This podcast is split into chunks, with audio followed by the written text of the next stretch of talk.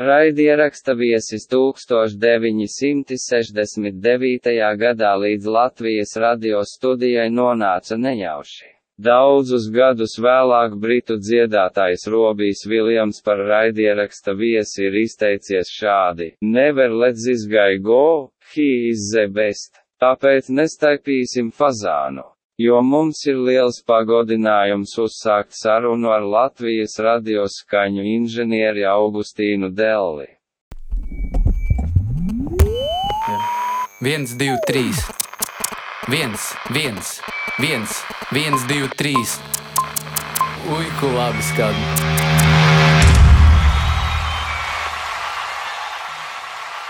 Mēs parasti sākam ar to, kā nonāca līdz radio, kā tev parādījās interese par skaņu. Tas jau bija jaunībā, vai tu spēlēji kādu instrumentu? Tas notika tā, nu, kā daudz kas dzīvē notiek, pilnīgi nejauši. Uh, tajā laikā, kad es vēl biju jauns un ar gariem matiem, tad bija tāda, tāda, tāda liela man laika biedra uh, vidū bija tāda tradīcija nestrādāt nekur, bija arī sargāt naktī kaut kādu nu, objektu bija tādi sargi, naktas sargi. Un pa dienu vispār sēdēt vai nu putnu dārzā, vai kazā, vai aizbraukt ar autostopu kaut kur.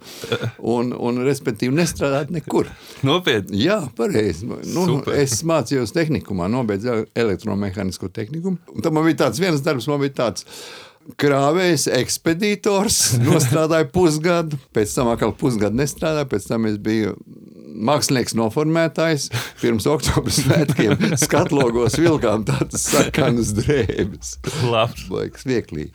Jā, un tad pēkšņi vispār bija viena draudzene, kas strādāja kino studijā. Viņa, viņa, viņa man saka, vai tu negribi nākt strādāt par skaņu ierakstu tehniķu? Toreiz saucās skaņu tehniķis, un es pusgadu strādāju kino studijā, bet arī paiet pusgads, man jau vispār apnika. Bet es dzīvoju Toņakalnā, kino studijas Šmerlī, man bija jābrauc visai Rīgai cauri, un es sāku domāt, jā, man, man patīk šis darbs, man patīk viss, kas jāskaņ, nu, tur bija faktiski tādas, nu, mehāniskas darbības. Kaut kur lejā notiek filmēšana, mēs rakstam augšā, mums dod komandu motors, es palaišu vienu pogu, un pēc tam stop, es piežu otru pogu. Tas bija viss darbs. Un tad ierakstīja melno skaņu, un to melno skaņu pēc tam ieskaņoja. Tur bija trokšņa rakstīšana, tā es pirmo reizi ar, ar, nu, ar kartupeļu cietu taisīja soļus. Zinu, tād, ir tāda kartupeļu cietas maisiņa. Mhm. Tad yeah. spied viņas, un tevi nu, nu, soļi sniegā saucās. Tad čīkstos dēļus mēs meklējām. Mums bija skaņa, teiksim, kino, kinofilmā ir skaņu operators, nevis režisors, viņam skaņu operators. Viņš man saka, vai tu nevari atnākt septiņos no rīta, nevis deviņos. Mums vajag, kamēr gaiteņi tukši ierakstīt soļus gaiteņi gaitenī. Mēs atnākam septiņos, rakstam soļus, nu, tādā veidā. Super. Jā, bet nu, tas, es tev teicu, ka tas bija Šmerlī, un pēkšņi vispār man čals iet armijā un saka, man atbrīvojās vieta radio. Es iesniedzu dokumentus radio, kinostudijā es tika atlaists uz pašvēlēšanos un iesniedzu radio, un tas beidzās, ka es nostrādāju es 50 vairāk gadus radio. No tā brīža, tas bija pirmais darbs, ka es neaizgāju prom pēc pusgada tajā rā, radio. Radio es iesniedzu iesniedz dokumentus. Man tas ierakstu daļas inženieris Vīģels priekšnieks, jā, viņš saka, mums vajag iet iepazīties ar vecāko inženieri. Toreiz bija tas vecākais inženieris Šulcs kungs. Uziem pie Šulcs kunga, viņš man saka, nu, kur tu mācījies, tā, tā, tā, nobeidz tehnikumu, tas labi. Nu, kāds ir Oma likums? Oh, jā, Zini, kāds ir Roma likums? Skaidrs, vispār, ir, nu, var sakot, arī ir ūdenis ar īju, arī otrā, nu, tur vispār trīs. Un interesanti, ka tas Roma likums visu mūžu ir šausmīgi vajadzīgs. Tikko tev jāizdomā, kāda būs strāva pie tādas sprieguma un pretestības, tu vispār vari izrēķināt, jo faktiski arī mikrofona ieejas tiek mērītas, nu, visur ir impedances, visur skaļruņi tev jāzina, cik tev, cik tev slogosies, pa cik tev slodzi tas pieaugs, dubultojoties, tur, sa, samazinoties pretestībai, baigi vajadzīga lieta. Un viņš man pirmo uzprasīja, kāds ir Oma likums. Nu, jā, un, tā, un tas ir par to, kā es tur nokļuvu. Nu, un tad vēl ir tāda lieta, kāpēc mēs mainījām to, jaunībā tos darbus ik pēc pusgada. Tāpēc, kad vispār nevarēja, noc, nevarēja nostrādāt vienā vietā pie nu, monotona darba. Neviens no mūsu tā laika jauniešiem negāja kaut kur fabrikā pie konveijera, kur tev būtu jātaisa kaut kas. Visi meklēja, ka kaut kas ir savādāks. Vai nu tur bija bija tāds, viens tāds populārs darbs, bija grāmatu bāzē, izvadāt grāmatas pa grāmatnīcām, jo tu tur vispār brauc katru dienu pa Dari, citām ko ielām. gribi. Dari, ko gribi. Jā, nu, tas darbs bija divas stundas, pēc tam tu tur var nu, staigāt apkārt. Jā, un, un, un strā- strādājot radio, strādājot radio, ir tāds moments, ka mums bija daudz koncertu. Mums bija koncerti nepārtraukti, mums bija, tād, nu, bija tāds apels. Filharmonija, tagadējā viņa ģilde, ģilde. Universitātes aula, kur notika katru vakaru operas, operas uh, fondu ieraksti, jo operniekiem bija tāds papildus ienākuma avots pēc izrādes operā, kas beidzās desmitos, pāriet pāri kanālam uz, uz aulu un rakstīt fondos. Desmitos vakarā. Jā, viss orķestris desmitos vakarā nāca un divas stundas rakstīja. Operu mūziku ar solistiem un orķestri. Un viņiem pat bija tur piešāvušies tādi orķestra strādnieki, kas ar ratiņiem arfas veda pāri no operas uz universitātes sauli, pāri kanāla tiltam augšā. Un baigā ātrumā atveda sakrāmēji, un mēs rakstījām tur vispār. Un tas man likās baigi interesanti. Ja tur nostrādāja vakarā aulā, ot, otrā dienā rīts bija brīvs. Un, un, un principā tāda, tas nekad tas nebija, katra, katra diena bija cits ieraksts, katra diena bija pa jaunu, viss tas jāuzliek. Toreiz jau rakstīja tā, tā operai, tādam orķestrim bija laikam pieci mikrofoni, pieci mikrofoni. Balsta mikrofoni bija, nu, principā kā kureiz, bet principā vienlaika ra- rakstīja mono. Sākumā rakstīja, vēl bija mono magnetofons un rakstīja mono, vajadzēja vienu balsta mikrofonu kaut kur pie diriģentam aiz muguras. Tā bija tā pirmās violas, otrās violas un divi koki. Un, ja vajadzēja, tad bija klavieres un perkusijas. Un ar tādiem sešiem mikrofoniem, apmēram sešiem, septiņiem mikrofoniem. Un Solis dziedāja turpat, un viss tas notika vienlaicīgi, bez kādiem minusiem, bez kādām ausīm, bez kādiem playbackiem. Un tā rakstīja seši mikrofoni apmēram orķestrī, reti, ka uzlika vairāk. Bija tā- pat universitātē bija tāda pulta ar kaut kādām tikai laikam, 12 ieejas un 4 līnijas, tāda ungāra pults. A, Kādu Cieši. mikrofonu? Nu, mikrofoni jau tad jau bija labi. Mikrofoni. Ah? Tad bija, principā, bija neimaņi. Jā. Bija tāds OM 57, 48 un 87 tie jau bija melodijā, tikai tie lielie Mhm. OM 87. Tie bija labie mikrofoni un ienāca arī kaut kādi ungāru mikrofoni. Bija ungāru kondensatori daži. Kaut ko rakstīja arī ar dinamiskiem mikrofoniem. Nu, un tajā laikā uh, radio saņēma lielu ierakstu mašīnu, Čehu, Škodas, to, ko sauc par RTO 707, tādu autobusu, kas jau bija nu, super priekš tiem laikiem. Tur Kosmosa bija četri kuģis. STM. Čehu pults iekšā, austriešu statīvi, mikrofoni, bija tādi mazi tievi kondensatoriņi, kaut kādi C61. AKG. Jā. AKG. Un tad bija, un tad bija, jā, bija daži arī eh, SM, SM2, laikam, ar eh, regu, nu, Mainām. mainām divas, divas membrānas, kuras jā. mainījās virzienā XY pamatā, jau mēs tur rakstījām. Jā. Nu jā, un, un, un, un dinamiskie bija vesels čemodāns, un mēs ar to mašīnu izbraukājām. Viss koncerts zāles liepājā, toreiz Rēzekne nebija, bija liepājā. Būt vējiņos rakstījām Liepājas dzintaru. Katru gadu braucam uz Liepājas dzintaru, bija tāda brauciena katru gadu. Dziesmas svētkos viņi stāvēja veselu nedēļu. Tur virsā Uzbūve, kamvads. jā, Uzbūve, nedēļu. jā. Nu tā. Nezinu, A, piemēram, nu. Andris Uzes stāstīja, ka Jā. viņš arī strādāja Jā. transbrigādē, vai šī ir tā transbrigāde? Tā ir tā transbrigāde. Un Jā, arī saucās da- ārpus studiju pārējuša daļa. Jā. Un tur es kaut kādas desmit gadus nostādīju. Ā, Sākumā nemaz nebija studijā. jā. Nē, studijā es tikai no 90 gadiem, un tā, kad bija rekonstrukcija. Nē, es jaucu, jaucu. Transbrigādē es nostādīju 5 gadus. Tas bija tam- sākumā, kad tu Jā, radio, jā, tu jā, jā. Nē, kaut kādus pirmos piecus gadus es strādāju uz to ārpus studiju pārējušu ceļu. Mhm. Uh -huh. Un tad vienkārši man tur gāja projām. Bija viens Linnards Alksnis, pārgāja uz pie Paulus. Toreiz jau filharmonija bija tāds ansambls, laikam, modo. un Viņam vajadzēja pāriet uz pastāvīgu darbu un vienkārši atbrīvojas tā vieta. un Man aicināja tur pirmajā studijā strādāt, kad vēl bija Čehu pults pirmajā studijā.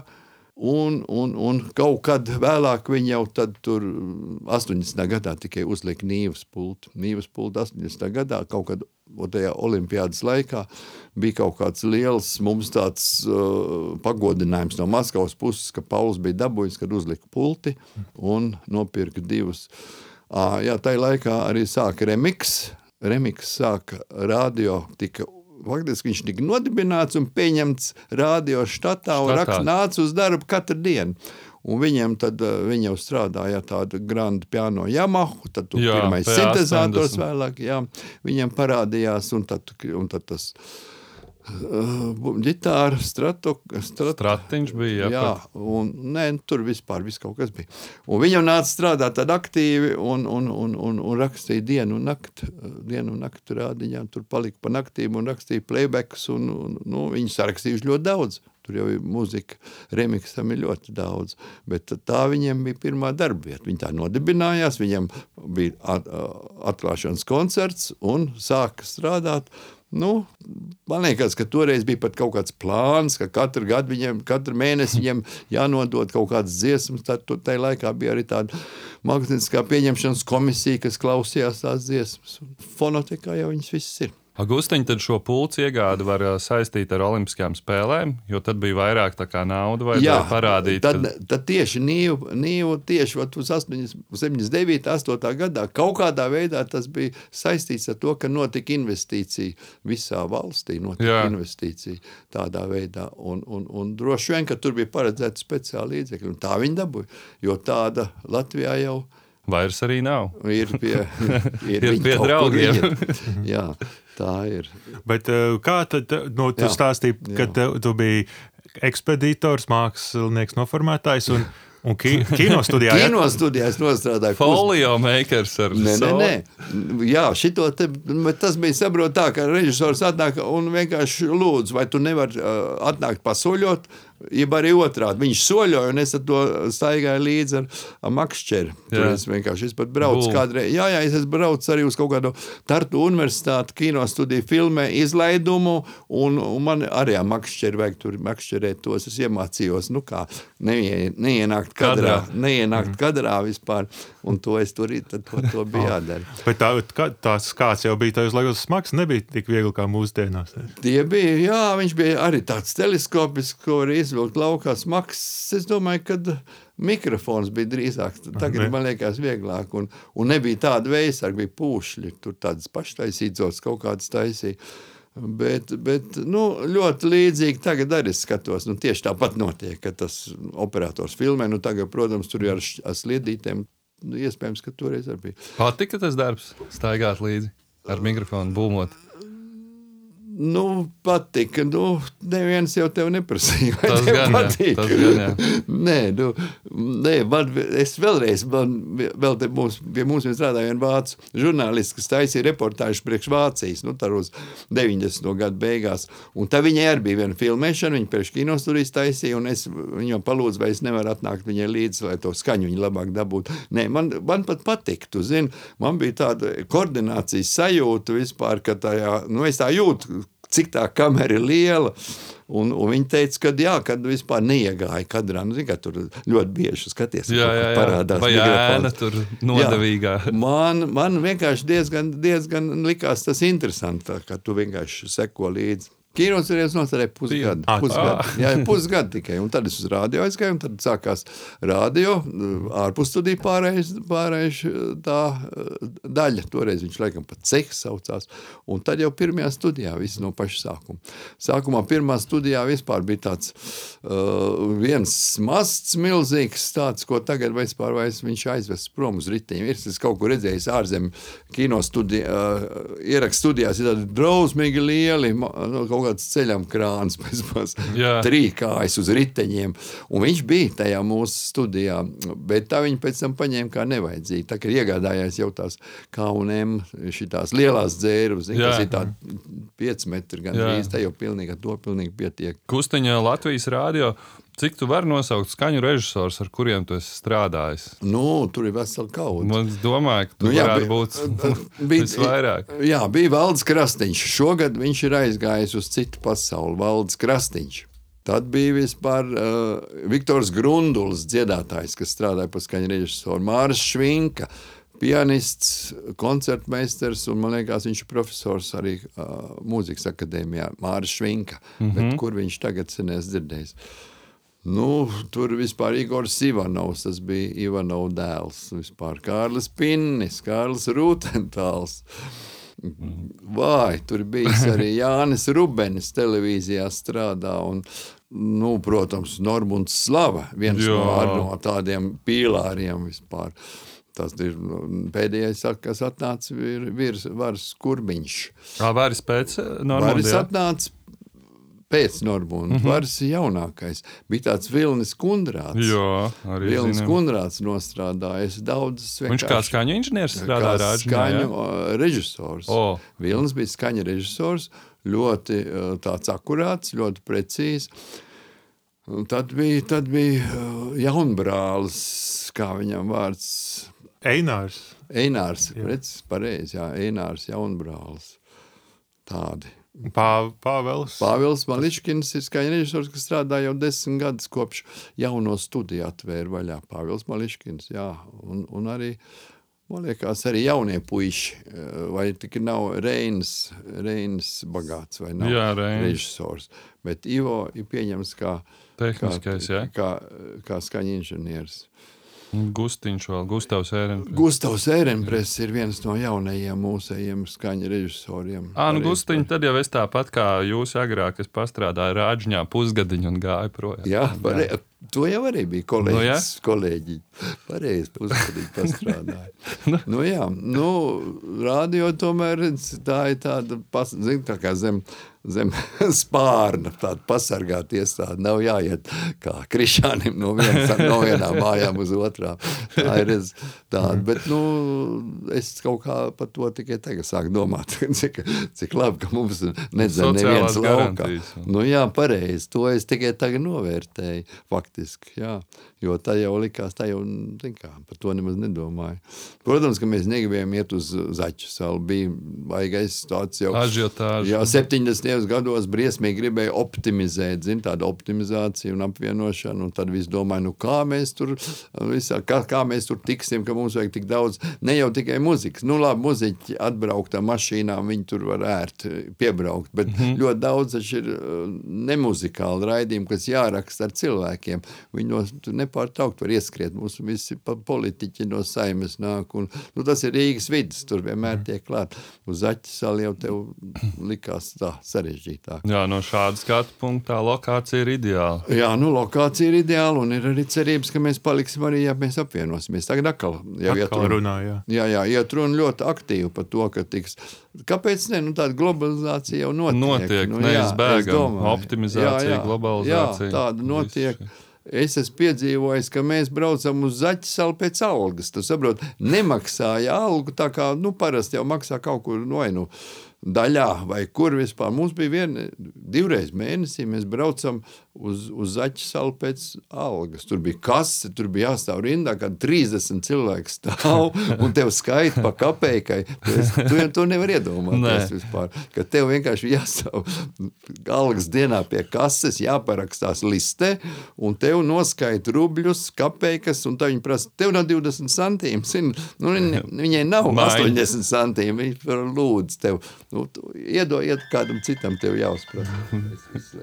Tas tāds apmēram jā, Mēs tas nav tik briesmīgi.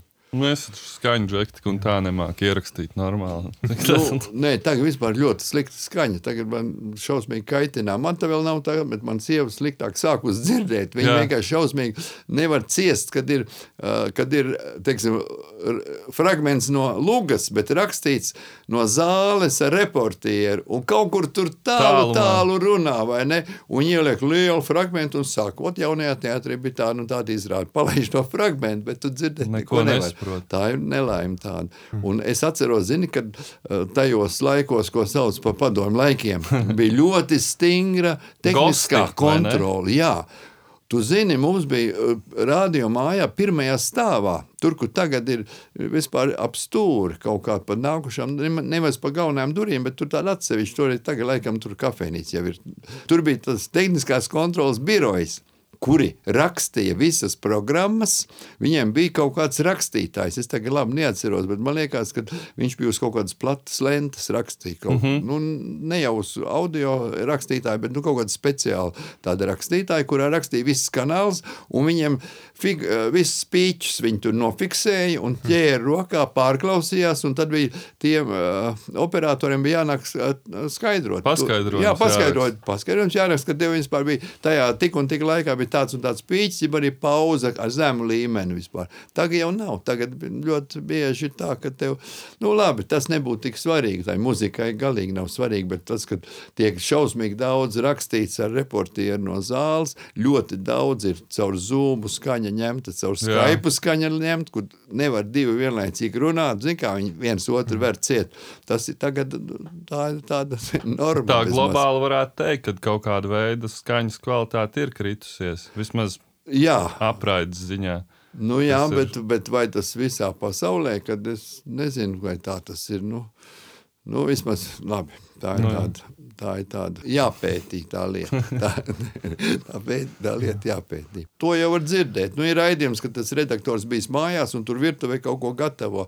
Un, protams, ka viņa varbūt, varbūt nu, es šaubos, vai viņi uzliek mikrofonu. Nav jau viņiem tie mikrofoni, viņi jau staigā līdzi. Mhm. Un tad brīžiem tas jautājums vispār kaut kur neskur nu, ne, neizdara šitā. Un, un, un tad nu, nepieliek arī pietiekoši klāt. Nu, Bet varbūt tas, tas nav tas briesmīgākais. Tas fondos neiet, tas ir kaut kāds dokumentāli ieraksts.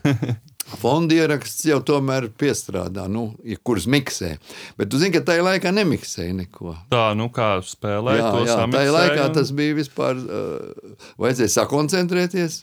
Un tā vēl darīja tā, ka nu, tagad mēs, es gribu paklausīties, nospēlēsim vienreiz bez apstājas. Nospēlē un ieraksta to. Un tas ir labs variants. Zini, kā tev pasaka, pasaka, tā ir liela māksla. Tu jau vari kā reži, režisors strādāt, tu zini, kā, ka nedrīkst teikt klusumu, klusumu, klusumu, tūlīt rakstīsim. Aiziet, zinu, tad uzreiz. Gustiņ, kurš ir no šiem variantiem? Parasti muzikanti bieži vien mēdz rakstīt arī 20 versijas, 20 teiks. Jā, jā, kā tev atnāk, pieredze? Atnāk pie pirmās. Nu, ja tev ar pieredzi šādi. Nē, nē, tāda pieredze. Pirmie ir. divi ir. Jā, jā, jā. Ir divi labi. Tā ir ļoti bieži tā ir. Jo viņi brīvi, viņi brīvi un nav, nu, nav, viņi jau nogurst arī, ir fiziski nogurst un garīgi nogurst, ka tu tāpat dziesmu jāmuļā. Mums jau nav vairs lentā. Par lentu es dzirdēju tādu Jā. nostāstu, vai tā ir patiesība, ka pa ziņu raidījumu kā, kāds neuzmanīgi ņemot, nu, ja ņem aiz malām, tad vidus jā, izkrīt jā, cauri. Jā, jā, jā. Un tad, nu, bet raidījumam tūlīt jāsākoties. Un mēģina. Un tad uh, sasauc visu rādio, pa gaitaņiem viņu iz, nu, iztina, jā, un jā. tad vienu galu raida gaisā, un otru galu viņi tin un, un pat varbūt kaut ko griež. nu, tas, ir, tas ir tas, nē, tas ir tas nu, sabojātā telefona stāsts. Yeah. sabojātā telefona stāsts. Vārds sakot, to nevar tā, ka vienlaicīgi, vienlaicīgi saprot, iztin un spēlē.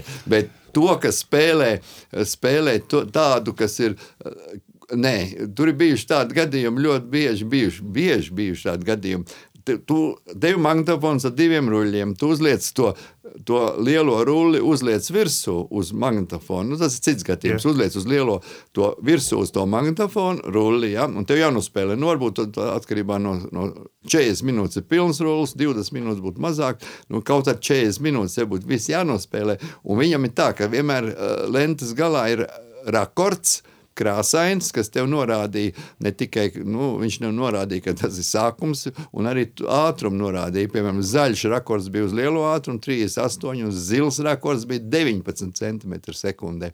Un tas rakors ir pielīmēts tajā laikā, līmēja vai no skoču, kas izskalta kādreiz, jeb arī līmēja tādu līmu, kas smaržoja pēc etiķa. Tur bija etiķa skāba un acetons kaut kas tāds. Nu, jebkurā gadījumā mē, mēdza trūkt nost vispār. Mm -hmm. Un ļoti bieži notrūka tajā brīdī, kad tu palaidi magnetofonu, viņš paņem rāvienu tādu iztais, un tā lente ieiet starp rullīti un asīti, un not, noraujās rakords, bet tā lente netinās virsū, bet viņa sāk tīties zemē. Mhm. Lenta tīties zemē sāk. Un, ja piemēram tas notika, tad vienkārši momentāli atbrīvoja vietu, aiznes krēslus projām. Un tā lente tinās no atskaņojot pēc atskaņošanas Tur ir atskaņošanas galviņa, un tad jā. ir rullīts un uh, asīt.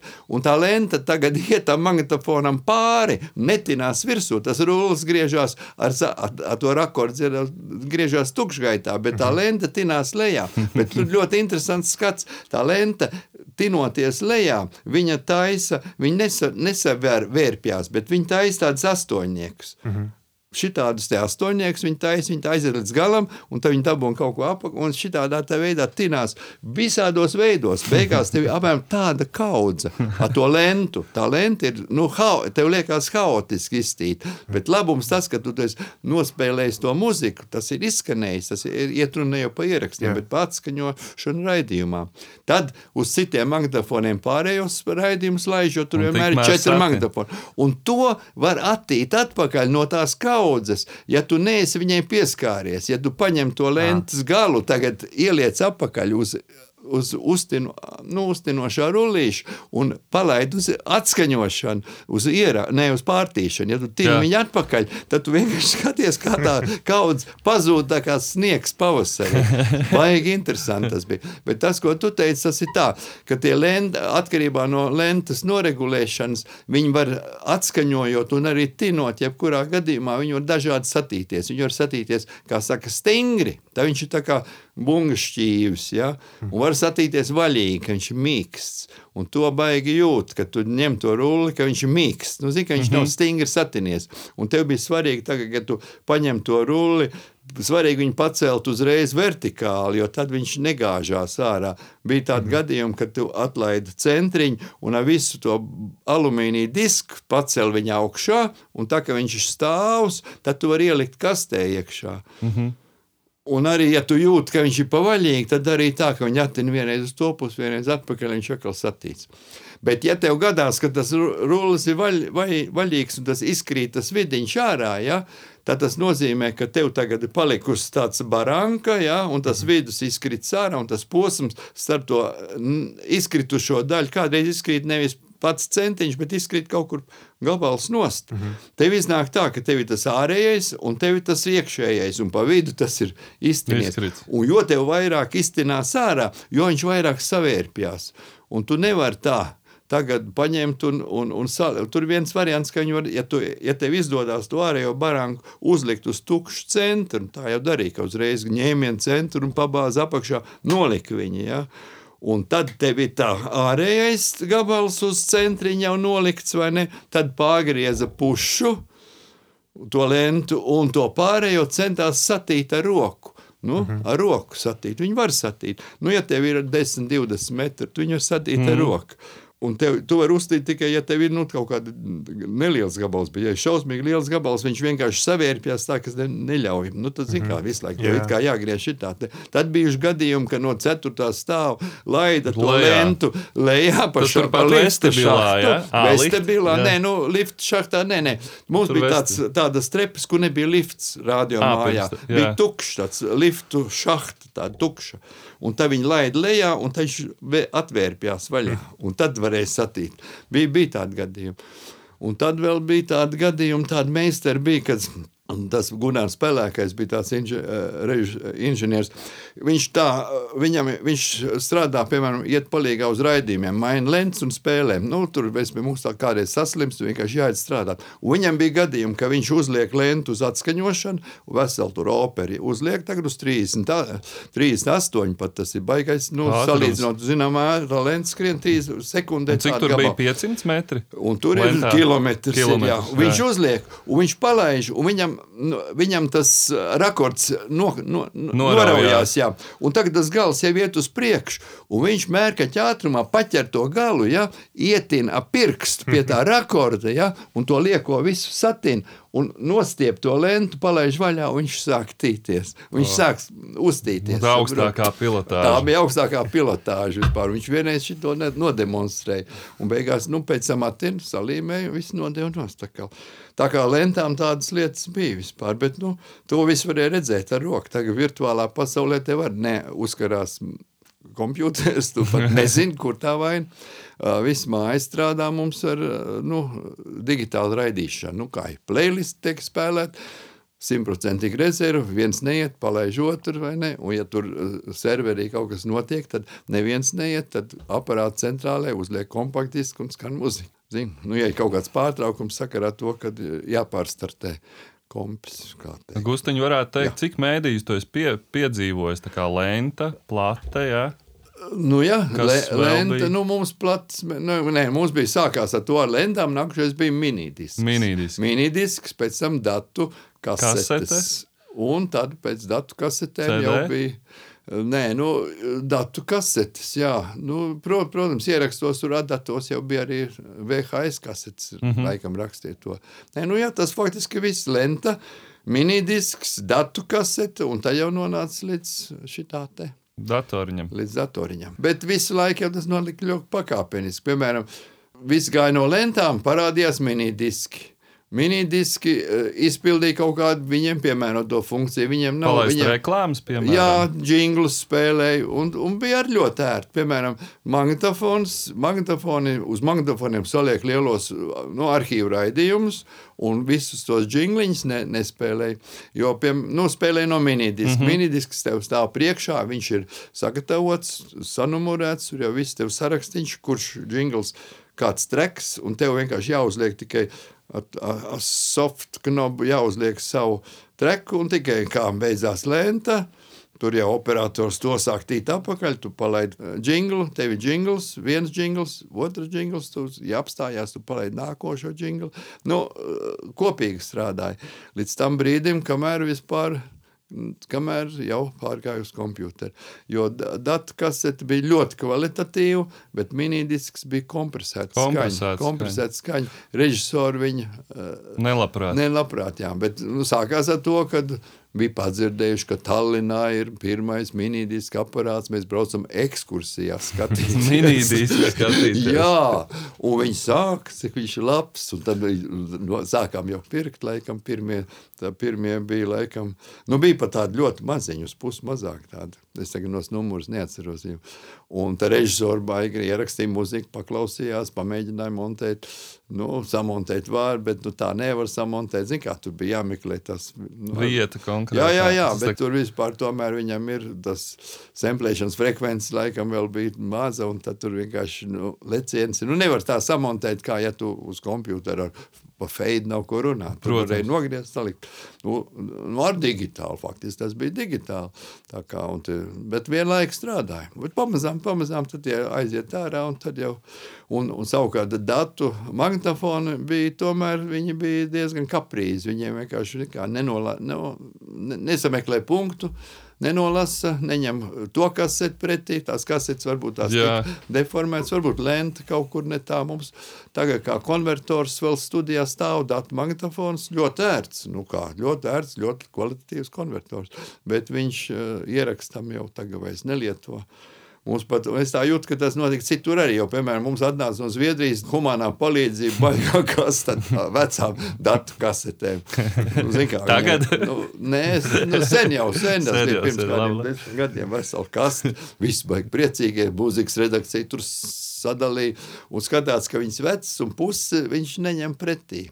Nu, viņam tur vienkārši ir jau, viņiem laikam ir tie, nu, novil, noval, novalkājas lenta, ir tā kasete, ir tas magnetofons arī tāds. Varbūt tur bija kaut kāda speciāla profilaks, viņam jātaisa tam magnetofonam. Kurš tad no šiem visiem nesējiem, tavuprāt, izvirsās priekšplānā? Kurš ir visvērtākais? Un svarīgākais, kurš tad ir viskvalitatīvākais? Nē, nu, tavuprāt, nu, nē, nu, Skaniski. nu, no, nonāk jau uh, pie tā, ka tev ir svarīgi eksploatācijas ērtums. Nu, eksploatācijas Jā. ērtums. Teiksim, ja tagad uzliec lentu, ja, un atskaņo analogu lentu, ja, FM un, un, un, un, un labu kompjuteru, ierakstu ar labu rezolūciju. Nu, nezinu, vai tam klausītājam būtu liela, liels zaudējums, ja viņš to nu, nedzirdētu analogo lentu. Nu, šaubos. Es šaubos, bet toties tu vari, kā tu vari viņus arhīvēt, kā tu vari viņus playlistā salikt, vispār to nevar salīdzināt. Mums bija fonotekā stāvēja, tur mildi, tur, esiet bijuši tādas telpas, Jā. tā kā bibliotekā pilns ar rullīšiem, katra kastīte Un katru rītu pēc speciāliem sarakstiem, ko redaktori, visas redakcijas iesniedz sarakstus. Tur ir speciāli cilvēki, kas staigāja pa tiem plauktiem, lasīja ierakstus. Ļoti bieži tie ieraksti bija nozuduši. Viņi neielikt, ne, neielikt pareizā vietā, jo tur ir šifrs, katram ierakstam ir numurs. Un tad tur bija rezerves ieraksti. Vēl, ja gadījumā nevar atrast, tad vēl jāiet uz citu telpu, kaut kādas rezerves ieraksti jāmeklē. Tā bija kastes uz riteņiem, un tad brauca no lejas ar liftu, veda uz raidījumu daļu, sadalīja pa plauktiem, pirmā rīga, otrā rīga, nu toreiz laikam divas bija tikai. Visus tos ierakstus. Tad tas operators, kas atnāk uz darbu, viņam jāplēšās, nu tādas aizlīmējamās etiķetes bija. Katrs rullīts jāuzliek, un kādreiz rullīši trīs minūtes, viens dziesmas dziesmiņa, tev viens magnetofons strādā, otrs dziesmiņa, otrs magnetofons. Raidījuma daļā strādāja četri magnetofoni, jo tur bija visu laiku, kamēr viens spēlē, tu otru lietas, trešais attinās, un tādā veidā strādāja visu dienu, un to nevar salīdzināt. Nu, tehniskam cilvēkam viņam jau labāk sēdēt un apēli paspiest, paspiest šito te un teikt, cik man grūts darbs. A, vai tad varētu teikt, ka pirms gadiem 50 Latvijas radio darbinieku skaits bija reiz 5, jo bija vairāk vairāk funkciju jāveic. Kā tas ir mainījies? Nu, nebija reizes pieci, bet reizes pusotras bija. Jā, bija, bija vairāk. Jā, apmēram ne? bija. No kaut kādiem 450 mēs esam 300 palikuši. Jā, bija vairāk, bija vairāk, jā, bija vairāk un algas bija mazākas. Vai tu vari arī pastāstīt, varbūt kāds, tad, kad tu sāki strādāt, kāds stāstīja par vēl agrākiem laikiem, piemēram, Baiga vasara, tur ir kadrs, kur no rītiem nu, gailis dzied un, un tad reklāmas ierunā paši diktori dzīvajā kaut ko tādu? Nē, nu, vienīgais, nu, ko es, nu, varbūt es kaut ko sākšu atcerēties. Nē, es atceros, kāda izskatījās operas pults. Piemēram, bija divas pultis. Tā bija, nu, viena, ko vecāko, ko es esmu redzējis, aparatūra ir radiotehnikas skaņu ierakstu pults radiotehnikā ražoti vispār. Viņi izskatījās, nu, viņi pēc pulca neizskatījās, viņi izskatījās pēc, pēc tādas buļģas, lielas bru, zaļas buļģas ar, ar četriem tādiem regulatoriem, knapi kā krūzīm. Jā, jā tā kā universāla audio. Jā, nu, apmēram tik liela tā kā apakštasītes, četras apakštasītes, un tie bija četri kanāli, četriem mikrofoniem, un tāda pulca stāvēja operā, operā parterā aizmugurē bija, bija režija. Nu, ko, ko sauc par režiju? Tā bija nu, radio ierakstu režija, var teikt. Jā. Un tur stāvēja tāda pults un kontrola agregāts, viens mono, kā toreiz vispār bija. Un šī tāda pults ar četriem griežamiem kloķiem. Kad tu atnāc uz operu strādāt, tev bija uzdevums uzlikt četrus mikrofonus, no kuriem viens bija iesiets auklā starp abām valdības ložām. Barter līmenī tāds valdības ložas, tur ir speciāli tādi āķi ieskrūvēti abās pusēs. Un vajadzēja uh, neilona auklā to mikrofonu uzkārt. Vats nāca no vienas puses līdz vidum, un otrā galā vēl tika uzāķēts. Mikrofona taisngriezis bija valdības ložā zemē, un vats aizgāja uz to režiju. Viens mikrofons bija tur, un trīs bija, trīs bija laikam, orķestrī bija divi, un viens bija zālē pa vidu stāvēja. Tur jau bija ierīkotas, jau taisngrieži bija kaut kur zem grīdas, tādā lūciņā, pacēla mm -hmm. lāciņu, pielien, jo tur bija taisngriezis UM57 vai barošana, Jā. nu, kvēlēju un anodam tur viss. Un, un tos četrus uzlika, aizgāja tur, un tad tā pa vienu atgriez dzird, otru pasit plauks dzird, un četri mikrofoni. Tā bija šī tāda pults, bez korekcijām, bez kā. Tikai Vien... skaļi un vājinātā. Jā, bet nu, viena korekcija bija laikam 50 hertz nogriezt. Oh. nu, tāds filtrs bija, tāds slēdzīts vispār. Va? Tāda pulta bija, viena bija tāda tur, un Doma baznīca arī bija viena tāda līdzīga. Līdzīga pults bija Doma baznīcā, kura, kur, lai tiktu iekšā, bija pa viņu kāpnēm jāiziet pa sānu durīm, un tur tāds koridors, un tur bija tā režija.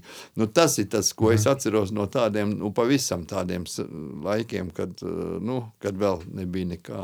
Un par reverba kambariem radio? Tā. Nu, radio bija pagrabā, bija lielais AEG Turpat bija, man liekas, tas lielais reverberators, plakšņa reverberators, kuram bija distants vadība no abām režijām. Viņi varēja izmantot kā vienā, tā otrā studijā. Viņš bija, nu, sarunāja, kurš tajā brīdī, brīdī lietu izmantos viņu. Jā.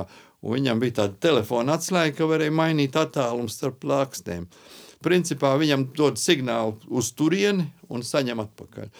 Un, un, un ja tu tagad esi viņa uh, reverbātoru izēja klausies uz pulti, tad slēdzot to, tu dzirdi, ka viņš jau buf. Viņš jau maina to nu, tu, mm -hmm. at, jā, Platumu, jā, plā, platumu maina, jo tās platums lielāks, jo, protams, reverbrācija lielāka. Tur bija divas lietas. Bija sauktā ekotelpa un reverberators. Un eho telpa bija tāda. Kur eho telpa jā, bija? Jā, eho telpa, kurā stāvēja ar tāds ungāra atskaņotājs, kas atskaņoja skaņu. Man liekas, ka tur bija viens mikrofons un divi skaļruņi, tuvais un tālais. Un tad tu vienkārši neko tur nemainīji, tikai to radioteātris lietoja. Viņiem tas bija ļoti pieņemts tāds tas eho telpa, tad tur varēja spokus kaut kādus imitēt, raidlugās, sniegbaltītas skolā, jeb, jeb, jeb kaut kur tur. Un tad to nomainīja tas leksikons, kas ir. Nu, leksikons atnāca tagad kopā ar, tā, kad jau uzlika mūsu jauno pulti. Tad, mm. tad 90. pirms tam jā, jā, jau droši vien bija vēl. Oktagonu. Nē, pirms, pirms tam bija mazie leksikoni, nu, 70. un, un, un, un Yamahas reverberatori, nu, tie bija nu, dzelži. Bet tie salīdzinot ar, ar tiem akustiskajām plāksni un nu, eko? Kā? Nē, tai plāksne bija tāda, viņi vecos ierakstos var just, nē, nu, ka viņi ir. Bet, bet vai, domāju, ka arī jaunais reverberators, jau tagad, katrs, katrs nākošais ir labāks un nesliktāks.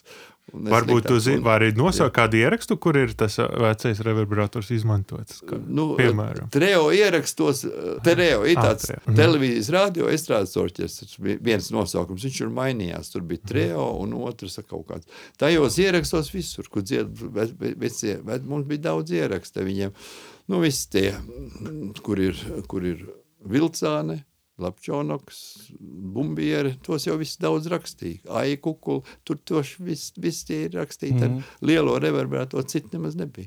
Praktiski visiem, visām dziesmām. Uh, Gustiņa, ja tev bija arī jābrauc uz šiem ārpasākumiem, kā Jā. tu varēji apvienot? Uh... Varēja apvienot, tāpēc, ka, teiksim, skaņu inženieri, viņi jau faktiski uh, viens otram palīdzēja uh, saskaņot visus projekts. Ja tev kaut kas cits tad vienmēr kāds otrs atāk. Tajā pirmajā periodā, kad es pirmajā studijā strādāju, trīs cilvēki mēs bijām studijā. Vien, nu, tajā brigādē mēs bijām trīs cilvēki. Ulrichs, Upmans, Arthurs Akons un es. Un mums bija eh, standarts bija tāds, ka ja viss ir kārtībā un viss ir veseli un nav atvaļinājumā, tad viens strādāja vienu nedēļu, septiņas dienas, jo ļoti bieži arī sestdienās un svētdienās kaut kas notika.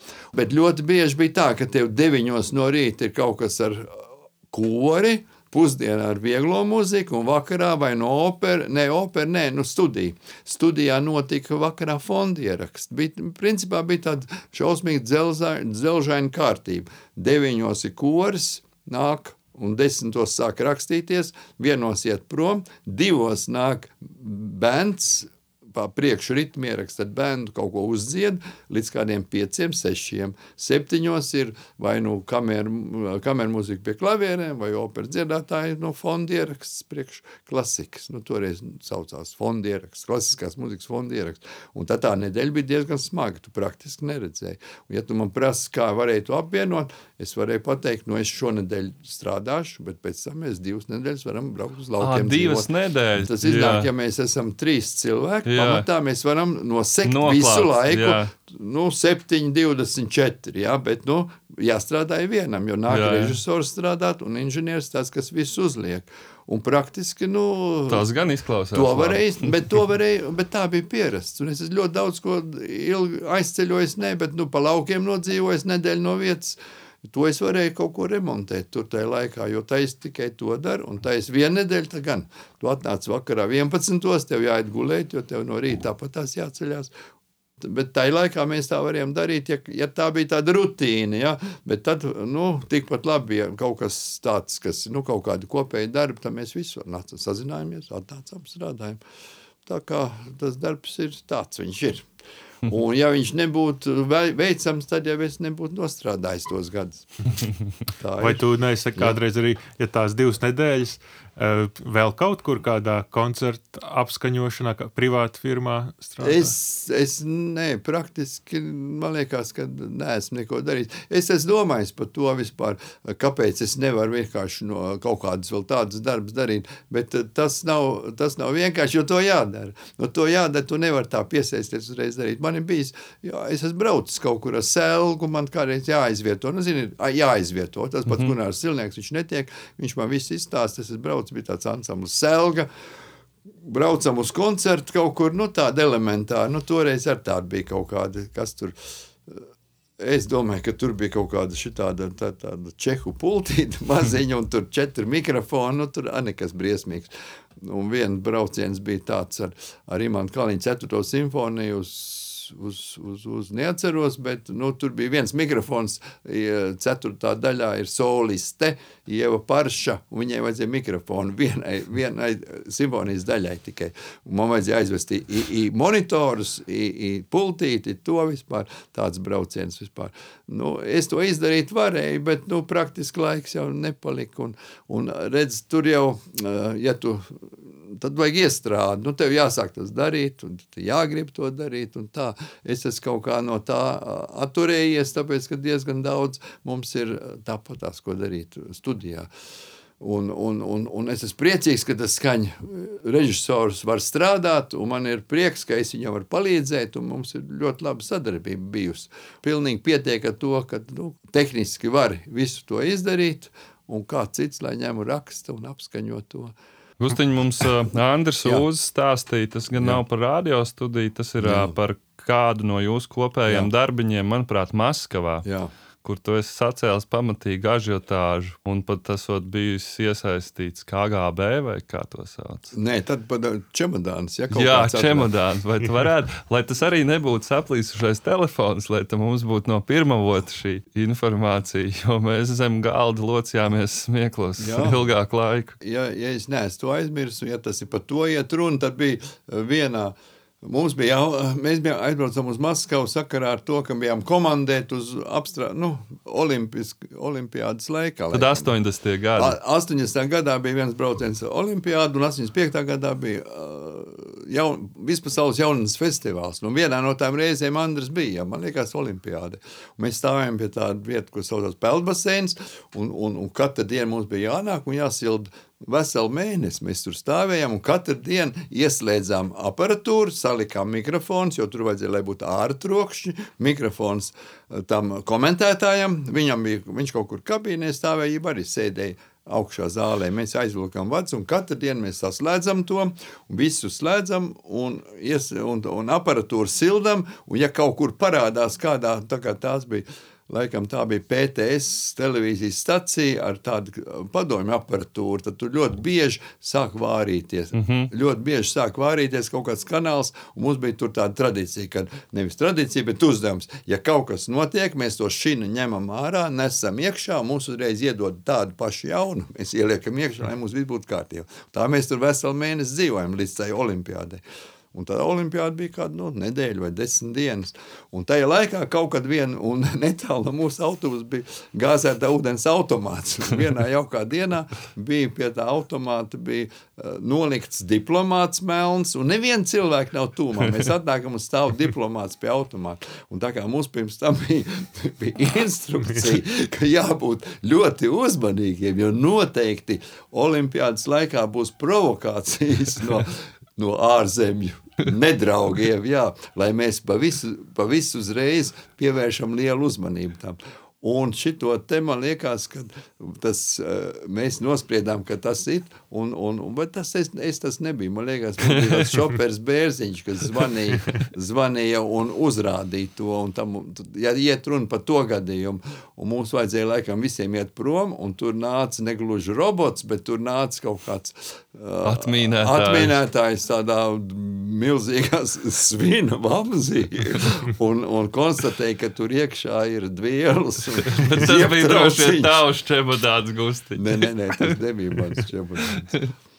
Tas nebija mans. Ir cits gadījums, arī līdzīgs. To es varu pastāstīt par vienu. Nē, nē, tas bija notika kaut kādos 50. gados, kad transbri, ārpus studiju pārējais cehā strādāja tāds Leonīds Kondraķevs. Viņš, viņš bija kaukāzietis, vecs vīrs, pensionārs kaut kādā pie 70, 80 gadiem. Un viņam bija tāds stāsts, ka kādreiz Rīgā notika uh, nu, ir tāds 1. maija parāds un oktobra svētku parāds. Tās notika uzvaras laukumā pārdaugavā. Mm -hmm. nu, mhm. jūs neziniet, bet tur tā bija, ka tur bija tribīnes un tur gāja un brauca vispār visā, nu, soļoja gar tām tribīnēm, kas atradās uzvaras laukumā.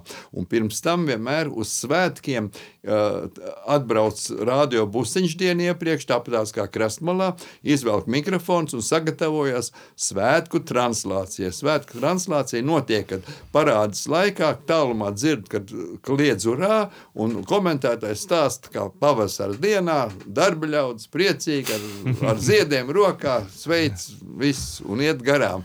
Un pirms tam, nu, iepriekšējā dienā viss tiek uzkrāmēts. Un tagad tas, tas uh, vecais Kondrāķevs, viņš viņš ir eh, izvilcis tos vadus, un kaut kur viņam vajadzēja, vajadzēja pienaglot pie kaut kādas tribīnas dēļa to vadu, sadzīt naglas un uzkārt tos vadus, laikam, varbūt horizontāli. Viņš to viss ir izdarījis, bet viņam palikusi tāda buņķiņa ar ar vecām naglām. Viņš ne, nesa apakaļ, viņš ieroka zemē, turpat pie tribīnēm. Un nākošā dienā tie inženieri, kas pirmie atbrauc, tur jau septiņos bija jābūt, jo tur deviņos jau iet vaļā, tie skatās, kad pa, tām, pa to visu laukumu iet mi, atmīnētāji pa, pa zemi. Zin, ja tādiem nu, metāla, metāla detektoriem pārbauda, lai nebūtu nekas tāds vispār. Un viņš redz tas pats, viņš redz, ka tai vietā vietā viņš sastingst vispār. Tad viņš pasauc otrējo, tad viņi abi klausās. Tad viņi tur vispār sāk to zemi skrubināt vaļā. Un tā viņi redz, tā viņš redzēja, ka viņi izvelk to buņģiņu, nospļāvās un iemet miskastē. Tāds fakts bija, kad par to. Bet varbūt, varbūt pats Andris par kaut ko citu domā. Nē, šis bija tas tāds gadījums. Šis bija čemodāniņš. Jā, un ka tu esot arī palīdzējis kādiem arī iekļūt šajā norobežotajā teritorijā. À, tā bija, jā, jā, jā, jā, jā. Tur bija, tur bija, tur bija, nā, tur bija, jā, bija tā vietā, tas bija, tas man liekas bija otrā gadījumā, tas bija Šis bija tajā Olimpijādē. Jā, bet tas bija, man liekas, tieši jā, festivālā, kurā mēs stāvējām. Tāds, viņiem Maskavā ir tāds Gorkija parks, tāds slavens liels parks, tāds tā kā mūsu meža parks. Tur bija estrāde un tur bija koncerti notika. Mēs stāvam pie tās estrādes, un mums faktiski laikam mēs neapskaņojam, protams, mēs neapskaņojam, bet mēs, mums bija arī tāpatās. Mums bija faktiski trokšņu mikrofoni jāsaliek, un tur bija komentētājs, kas ik pa brītiņiem kaut ko komentēja priekš ierakstiem un viss kaut kā. Un tur bija tas gadījums, ka mums stāvēja autobusiņš un žoks bija, un Un, un tur bija aiz autobusiņiem, varēja, un tad tur bija sanākuši tādi, nu, viņiem bija tādi aktīvisti, kas tur skatījās, lai nenāk uz tiem koncertiem, pat, lai nāk tikai pa vārtiem ar ielūgumiem, pārbaudīti cilvēki, bet lai nenāk tādi, kas grib klausīties austrumvācu ansamblu pudīs. Ansambls pudīs, viņam bija koncerts. Un tajā dienā vispār tur bija tādi, kas staigāja tādām lentām uz rokas, bet bija tāda šķirba starp autobusu un žogu, ko varēja izlīst cauri. Un tur es, tur es vispār, ka viņas aizzina izdzina ārā, viņi pārlekuši pāri žogam, bija viņas laikam pār, aizzina atpakaļ, un teica, viņiem teica, ka, ziniet, tur tāda maz vietiņa, ko var tikt cauri, šie bija laimīgi, ka tik iekšā. Tik iekšā, jā? Tik, tik iekšā, Super. jā, jā, jā. Tāds. Nu jā, tie bija tie braucieni, tādi daži.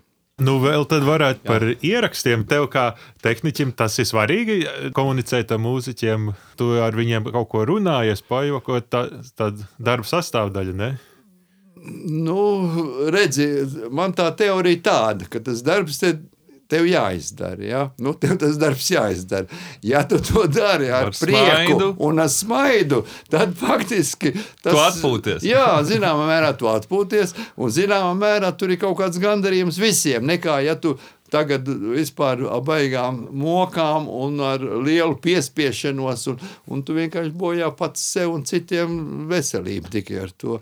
Jā, tas kļūst, zināmā mērā tas ir kļuvis jau arī par tādu, nu, ieradumu, var teikt, ka tu vienkārši kaut ko tu dari, dari, tu dari. Prieku. Jā, ar prieku. Jo, jo mums bija tāds, mums bija 91. gadā, ka bruka viss tā radio māja kopā, ka, piemēram, mums mainījās viss tas, ka nāca tur parikādas bija, tad tur sēdēja sveši cilvēki tai mājā, zin, tu dežūrēji pa nakti tādu kaut kādu, mums tai laikā kaut kas pilns studija bija ar, ar tiem kaut kādiem dobeles sargiem, bet tai laikā jāieraksta kaut kā kādu eh, steidzīgu informāciju. Man bija svarīgi atrast tajā laikā, meklēt. Jā, un mēs tur iegājām, mēs pēkšņi ienesām studijā tādā, mums bija viena studija slāpētā telpa, pilnīgi slāpēta telpa, kur rakstīja ārskatus radioteātrim.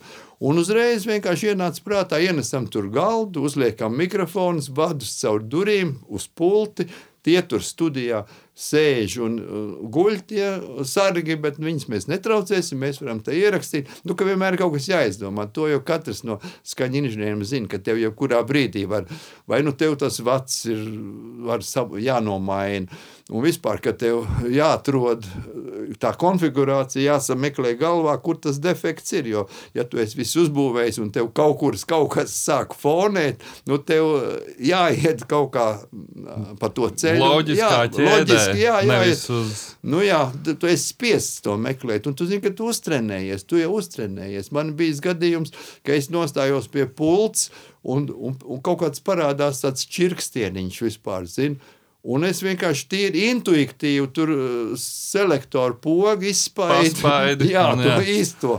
Nu, tā ir tā vaina, un tu esi to novērsis. Un, Un, un, bet par to, ka tev tas, kas jāizdara, tas jāizdara, un labāk to izdarīt ar smaidu, nu, tā ir tāda nu, pareiza atziņa, droši vien. Pareiza atziņa. Nu, bet gadās jau arī kaut kādi grūtie brīži, kā tu sev motivē, lai saņemtos. Kurš ir īgans? grūtākais klients, ar kuru ir grūti? Nu, varbūt nedrīkst vārdos saukt, bet ko tad darīt? Es tā neuztveru, neuztveru nevienu pa klientu. kā, man nav tāda. Nu, jā, nu, varētu būt kādreiz vienkārši kaitina, ka viņš kaut kā tur. Nu, labi, negribās par to nemaz runāt. bet, bet laikam, grūti bija ar Lindu Līnu. bet to jau, to jau visi zina. to, to jau visi zina, kad tur vajag Jā. Īpaši pieeja. Jā, īpaši pieeja, ka nu, jā, balss jāiztīra, bet orķestri jāatstāj. Nu, kā tu to iztaisīsi, ka tev vajag nu, autoķūni jāuzliek balsī, bet tajā laikā spēlēt orķestri. Jā, orķestri. Un skaņa tev, nu, tu nevar atdalīt to mm. viņu skaņu. Studijā playbackā to var. Nu, bet ja ir orķestri ieraksts, to tev daudz skaņa režisori pateiks, kāds tur, kā to vajadzētu atrisināt. Kas ir vēl kāds ieraksts, kas tev palicis atmiņā? Ir? Nē, nu, protams, vēseļputenis ar lo, lo, Lolitu. Mm -hmm. Vēseļputeņa ieraksts. Vat, nu, vat, no viņas varēja mācīties, kā orķestri vispār iziet priekšā un kā viņiem uzsmaidīt un kā tieši uz komunicēt. Jā, jā, jā, jā pareizi vispār un paslavēt viņus. Jā, un citu, tas ir interesanti, ka, piemēram, mums ļoti bieži strādā ārzemju producentu, pat skaņu režisori strādāja. Nu, pa tiem gadiem ir bijis daudz tādu ierakstu, ka viņi brauc, nu, rakstīja tāpat tās Luteram rakstīja. Mūzika kinofilmai Luters rakstīja, varas, kur viņš raksta, bet tas producents runā ar to orķestru. Un, tā viņš, un tā viņiem katrs variants viņiem ir beidzās ar to, ka viņš paldies! Vot, viss ir Tā, Jā. tā, tā, un tā viņš sāk skaitīt, kas jāizlabo. Un tur vispār izrādās diezgan daudz jālabo. Bet viņš neaizmirst pateikt to paldies, paldies pa priekšu. Paldies, labi! un tad, tad mēs darīsim šitā.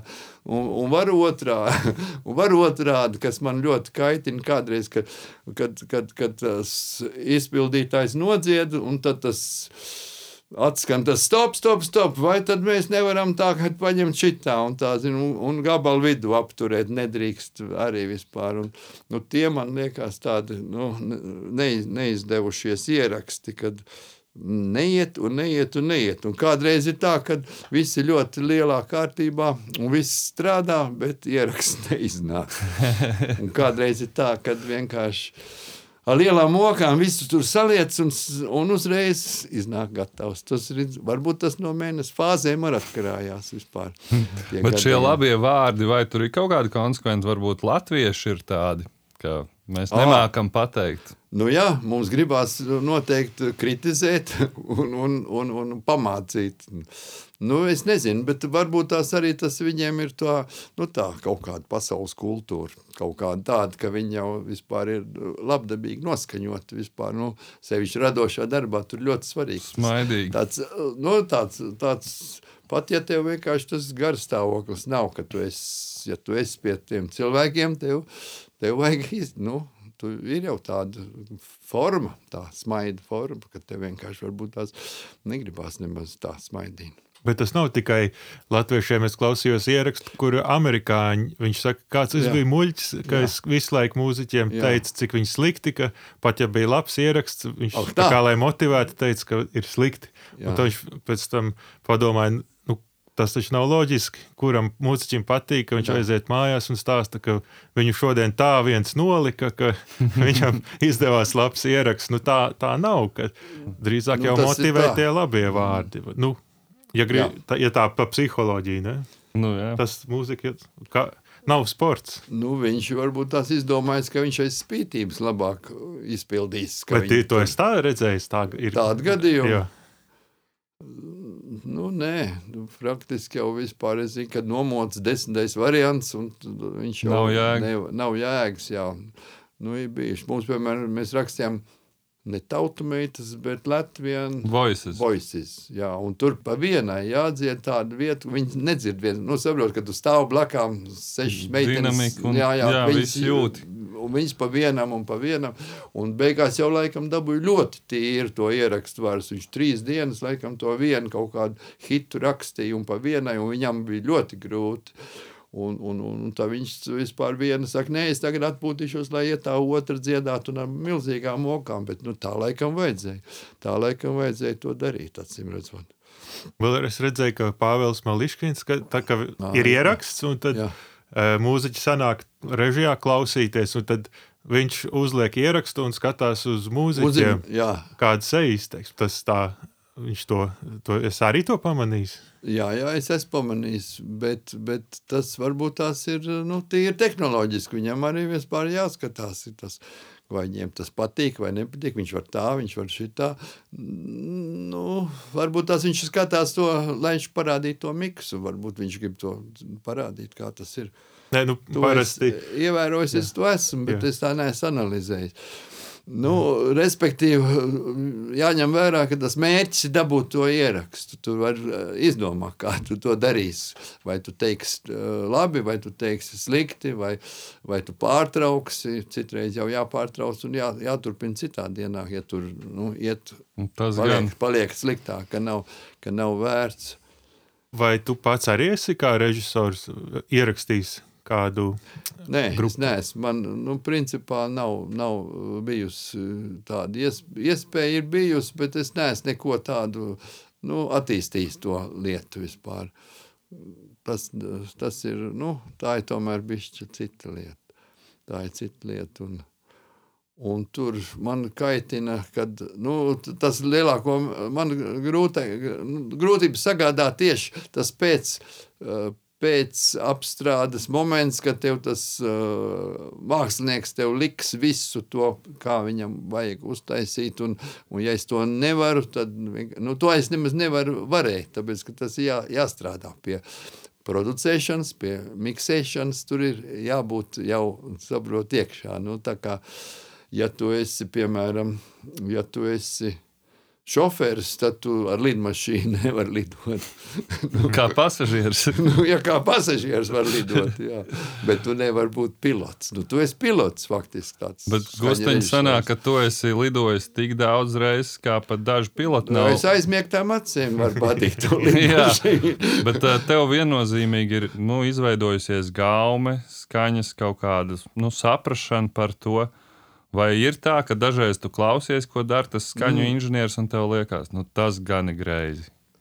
Nē, nu, kādreiz man, mēs ar Pāvilu daudz esam kopā strādājuši. Viņš man vienkārši prasa, kā, tu, kā tev liekas, kā tev liekas, un es viņam varu kādreiz pateikt, un es esmu uzķēris tādas vietas, kad mans kaut kāds votas, tā lielā, Palīdz. lielā bunga, jā, un viņš izlabo un ļoti labi. Bija tikko viens aktrise dzied, un es klausos, un es dzirdu, ka viņai tas, nu, tas na, na, telefons višķiņ kaut Nazāls. kāds klāts, man, kaut kāds nazālais klāts. Viņš kaut kā to nebija dzirdējis, un es saku, to taču var palabot. Un viņš paņēma uh, ar korekcijām, iztaisīja un dabūja viņu dzirdrāk, un viņš uzreiz iznāca ārā kaut kā. Nu, tas jau arī ir labi, ka tu vari kādam vispār kaut ko tādu saklausīt. Jo, ja viņš miksē 4-5 stundas no vietas, nav jēga. Zini, kad viņš, es jūtu, ka viņš pats saka, jau, es jau es nevaru nevar Protams, novērtēt. Objektīvi. Nevar novērtēt tas svaigu. Tāpēc jāpārtrauc un ar svaigu ausu jāpārtrauc, ja jā, jāpasauc kādu, kas to var uh, noklausīties. Tas gan jā, ja tu esi daudz dzirdējis, piemēram, es jau kaut vai arī, kaut vai arī klausoties kaut kādu koncertu pa televizoru. Es tur momentā, momentā klausos, vai labi ierakstīts.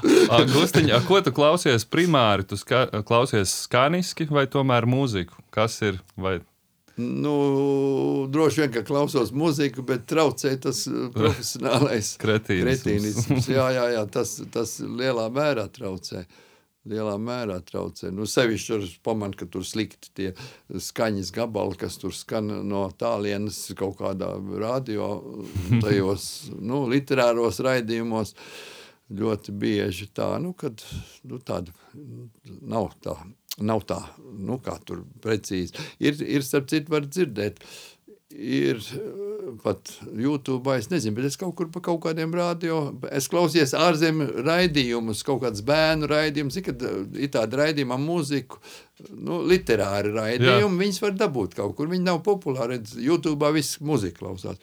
Nu, skatās un klausās, bet es tagad neatceros, kur es klausījos tieši radio raidījumus. Kaut kādas linki man bija ļoti interesanti, ka tur ir vispār dikcija, un tur viss arī tās reverberācijas plāni, nu, kaut kāda pasaka, un tu jūti, kā tur vispār ir piestrādāts. Kā, baigi piestrādāts, no tik smalki, es neviens, ne, mūsu lūgu neesmu dzirdējis. Es pat kādreiz kaut kādiem radio režisoriem pat demonstrēju, kā var uztaisīt cik tur muzika smalki, cik daudz viņa, kādi trokšņi parādās un kā tās balsis saliktas. Nu, tā ir vesela māksla, vesela māksla salikt. Protams. Tāpat muzikā arī vispār. Tas jau, es zinu, ka bērnībā mēs klausījāmies kaut kādus pirmos Elvisus, tad liekas brīnums, nu kā viņš ir ielikts, kā viņš ir dzirdams, katrs vārds saprotams, viņš nav tuvu kaut kā, un to vispār ne, ne, ne visi dabūn gatavi. Bija Kārls Rutentāls, kas baigi skaisti mācēja ot salikt, viņam ir aizkukuls dziesmas, tik skaistas, kurām ir viss vietā, visi vietā, un pats vēl sintezātoru uzspēlēja virsū. Un tas gustiņš ir atkarīgs tas ir... no mūzikas, no aranžējuma, no ierakstu tehnoloģijas. Tavuprāt, nu, viss kopā. Viss kopā Oranžējumā milzīgi. Nu, jā. to jau visi saka, kad, teiksim, pietiek labi noranžēts. Gunārs Rozenbergs, viens benda gabals, viņš skan. Skan. Skan pareizi. To var ierakstīt ar vienu mikrofonu. Jā. Nu, tā ir vesela, vesela māksla. Vispār interesanti skaņu. Protams. Skaņu māksla. Tā ir vesela, faktiski tā ir māksla dabūt gatavu to visu. Tu mūsdienās klausies muziku kā izklaidi. Tu teici, ka tev esot laukos, tagad tums uzlikts S90. Nu jā, es pārklausos, es pārklausos visu savu jaunības laiku muziku. Izstāst, kas kā? ir tavs trīs jaunības muzikas? Nu kā, nu, Beatles, Rolling Stones un, Cepelīns. Yes. jā, arī yes. arī yes, un Toto. arī yes, jā. jā. Nē, es klausos, es jā. Spotify klausos. Nē, es vienkārši, nu, tur man ir vesela tāda sērija. Un tā es vienkārši tur iebraucu tālāk, kad ir zinu, similāri artists. Tur es atkal kaut ko atrodu. Atrod kaut ko jaunu arī. Atrod kaut ko jaunu arī vispār. Bet, principā, ja es kaut ko daru, man vajag, lai muzika skanētu, es tiešām varu uzlikt arī uh, kaut kādus vecos Pink Floydus un pirmos, ja vanila pjūģi, tur vispār baigi daudz kaut kas bija.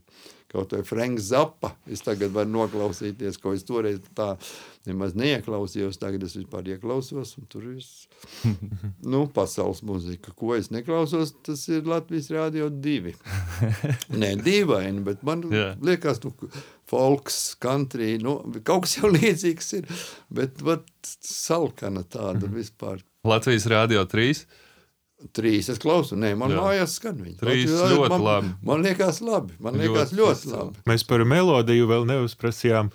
Mēs bijām pagājušā nedēļa pie Armānbrika. Ar, atceries, ka Armābriks uzdeva jautājumu?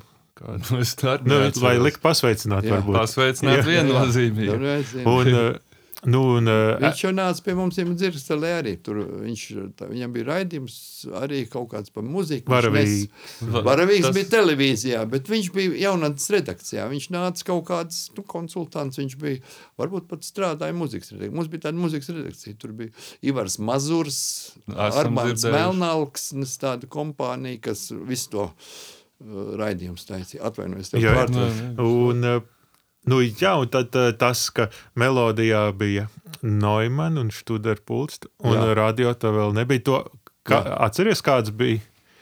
Tu, tu negribēji iet uz melodiju arī pats? Es esmu bijis vienkārši tikai ciemos. Tā es uh, nepiedalījos. Nē, nē, es esmu bijis gan daudz tur staigājis, kaut, ko, kaut kādās darīšanās, kaut kādus instrumentus palīdzējis viņiem aiznest rakstot. Un, uh, mikrofons. Mēs Doma baznīcā mēs melodijas mikrofonu paši lietojam. Mums atļāva lietot. Mhm. Viņiem bija iekārts pie ērģelēm ļoti labs Noimaņa mikrofons, ko tagad uh, Normons iekāra mūsējo laikam tai vietā, jo viņi noņēma nost. Un, un viņi atļāva mums lietot. Tur vajadzēja viņu taisngriezt, saslēgt, un tad mēs rakstījām ar viņu mikrofonu. Un jums bija tā, sadalīts, tā, jums bija eh, ietekmes sfēras, eh, vilnis, kā tas bija melodijā. Pa, kā jūs vispār bijāt pazīstami? Es zinu, ka jūs tā, draugi bijāt. Ja? Mēs satikāmies bieži vien, eh, ne ārpus rādio, ārpus tā. Nu, mēs satikāmies no reizes uz reizi. Nu, tuvi, tuvi paziņas, bet varbūt ne tik lieli draugi. Mm. Kaut kādas bija à, kaut kādas runas bija par darbu, protams, kas satikāmies. Un tā kā mums bija tāds vecs protuls, jā, noraksta, tad viņš teica, nē, to mēs ņemam, to mēs ņemam. Mēs viņam atdevām tādu vecs, kas bija kādreiz pirmais, pirms visiem, kaut kādiem 90. gados, zin, tādu iegādājās, kad uzlikt to vispār. Uh, melodija, konkurenti, jā, konkurenti bija zināmā mērā. Jo tur rakstījās tie paši, kas nāca pie mums. Tur kurs gāja rakstīties. Uh, nu, jā, tur laikam vieglo muziku, tā vieglais muzikas orķestris tur negāja. Tur, man liekas, viņam ir citas, citi ierakstītie. Bet tā zāle ir laba. Tā Izcil. zāle ir ļoti laba. Jā, un tur režija laba. Un pults bija toreiz ideāli. Un tagad laikam viņi nolietojusies. Uh, nu, tā tas ir noticis. Kapitālisms. jā, jā, kapitālisms, jā. kas ir, nav ne labi, jā. ne slikti. Jā, jā, jā. savādāk. savādāk ir. nu, jā. Bet tev tik daudz gadu strādājot, jā. kā tu spēj, tu stāstīji, pieminēji tur Danti, Dādus, tu vēl joprojām tā kā pat saproti, un tu vari sekot līdzi, tas ir fenomenāli. Es, jā, es saprotu līdz, līdz zināmai robežai. Protams, protams. Jā sekot līdzi. Es domāju, ka tas uh, trenē smadzenes vienkārši. Es tieši gribēju prasīt, es, es zinu jā. vienmēr, ka tu sēdi, tu lasi kādus rakstus pie tā kompīša studijā un tā tālāk, vai tu mērķiecīgi jā. arī apgūst kaut ko jaunu? Nu jā, redz, radio ir tāda, tāda priekšrocība salīdzinot ar varbūt tādām mazām privātām studijām, ka mums ir, mēs nekad nepaliekam bez atbildes kaut kādā jautājumā. Radio ir tradīcija, tikko tu kaut ko nezini, tu zini, pie kā iet un uzprasīt. Mm -hmm. Pa kompjuteriem, pa Ivar Riekstiņu, par uh, literatūru, tur pie valodniekiem, kas zina, kā pareizi izrunāt, vai e vai e teikt vispār. Radio mājā nekad neviens nepaliks uh, ar kaut kādu neatrisinātu jautājumu. Tu vienmēr vari dabūt atbildi, un tas izglīto ļoti. Jo es, piemēram, tikko man zvanīja ar pirms maz brītiņa draugs, Eh, kuram ir ar mājās ir kompjuters un televizors un kaķis. Un kaķis viņam noiet pa klaviatūru un, ekrāns viņam ir pagriezies vertikāli un viņš man zvan, ko lai es daru. Kaķim vēlreiz jānoiet. Un izrād, izrādās, ka ir trīs taustiņi. Zinu, ir trīs ar taustiņi. Ko pagriezt, ar ko pagriezt ekrānu. Jā. Es no galvas neatceros. Bija kontrola alt un laikam bultiņu uz augšu. Ja? Un viņš man zvana un es iegāju internetā un atrada to, ka varat trīs taustiņiem, ne visiem, bet to tur XP vai kādam var apgriezt. Viņš, un viņš neko. Un viņš saka, man jau nav kam prasīt. Es saku, nu nāc, es tev kaut ko paskaidrošu, nu kā atvērt lokus, kā rinējumu uztaisīt. Tu man nestāstīji, man galvu neņem neko pretī. Tāpēc, kad viņš ir izgājis ārā no tās aprites. Nu, tu vispār, jā, viņš man neko nevajag, man ir kompjuters un, un, un es tik klausos tur muziku, piemēram, YouTube skatos. Nu, vairāk Es zinu, ka tas ieslēdz un tā izslēdz. Un viss. bet, bet eh, rādio jau tu esi spiests ņemt priekšā raksturlīkni, skatīties, sapārotie mikrofoni, tur akustiskie mērījumi. Nu, tu neapzināti, nu, tev tas ir jādara. Nu, atnāc Dante, pirmā brīdī tu ieraugi kontroleri, tev liekas, nu, kā tu tur dabūsi cauri. Un, un, un man, principā, tikko es kaut ko nesaprotu, man tas nu, liekas, nu, tā urda kaut Tev kas. ir tas dzinuls, jā, iekšā, ir dzinuls noskaidrots. Man, piemēram, patīk Normunds Slava. Mums kaut kas neiznāk, ja? Un tagad uzreiz sāk iznākt, ja? nu, sas, saslēdz. Es saku, nu, varam strādāt. Nē, nē, tu man parādi, ko mēs izdarījām, lai mēs otrais zinātu. Saprot? Mm. Ļoti pareizi. Viņš saka, nu, iztaisām vēlreiz, lai mēs zinām, kā tas bija. Jā. Un, piemēram, piemēram, piemēram ja es atradu vienu gājienu, nu, kaut vai kaut kādu kaut uz kompjutera klaviatūru kaut ko atrast, ja? es vienkārši ņemu un trīs reizes pamēģinu to vispār. Un ka man sieva lūdz, vai, vai tu nevari man ieslēgt tur to un to un to, es saku, nu es jau vienreiz parādīšu, var ar klaviatūru, var ar pēli. Es viņai saku, no labo pogu. Kādu labo pogu? Kādu labo? Kas tas tāds? Kas tas tāds? Tu domā, ka es zinu, kur ir labā poga. Pelēji. Pelēji. Saprot, kā es varu zināt, kur ir labā poga? Tur nekas nav rakstīts. Saprot? Un tu nedrīkst, tu vispār tā nedrīkst dzīvot. Nu, tev tu esi spiests. Tu nu, nedrīkst apstāties. Nu, nedrīkst. Ir kaut jā. kas, jo jā, jā, iestagnē. Un... Es, nu jā, bet, nu, cilvēks jau nav tas melnais caurums. Viss jau tāpat ne, nesaņem, saprot. Tu jau tomēr kaut ko, tu, kaut ko tur zini, kaut ko tu nezini, kaut ko tu zini, kaut ko tu nezini, un, un tu mēģini izbraukt ar to, ko tu zini. Un tā jau var, var vispār.